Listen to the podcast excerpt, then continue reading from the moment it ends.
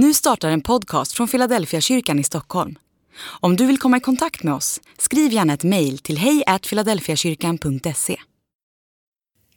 Dag 219. En yta av teflon. En man gick ut för att så. När han sådde föll en del på vägkanten och fåglarna kom och åt upp det. Så hör då vad som menas med liknelsen om mannen som sådde. Var gång någon hör ordet om riket utan att förstå, kommer den onde och snappar bort det som har blivit sått i hans hjärta. Det är sådden vid vägkanten. Matteus kapitel 13, vers 3-4 och vers 18-19. Vad är skälet till att man hör, det vill säga att man, man kan fatta vad det handlar om, men inte gör verkstad av det?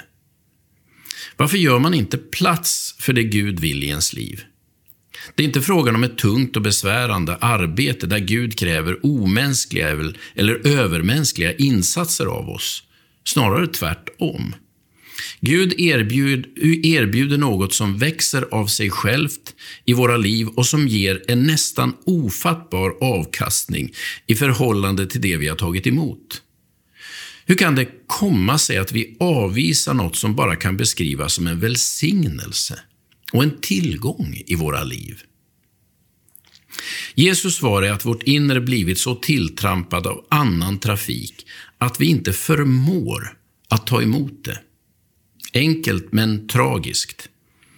Ska våra hjärtan bära frukt behöver det vara mjukt och tillgängligt.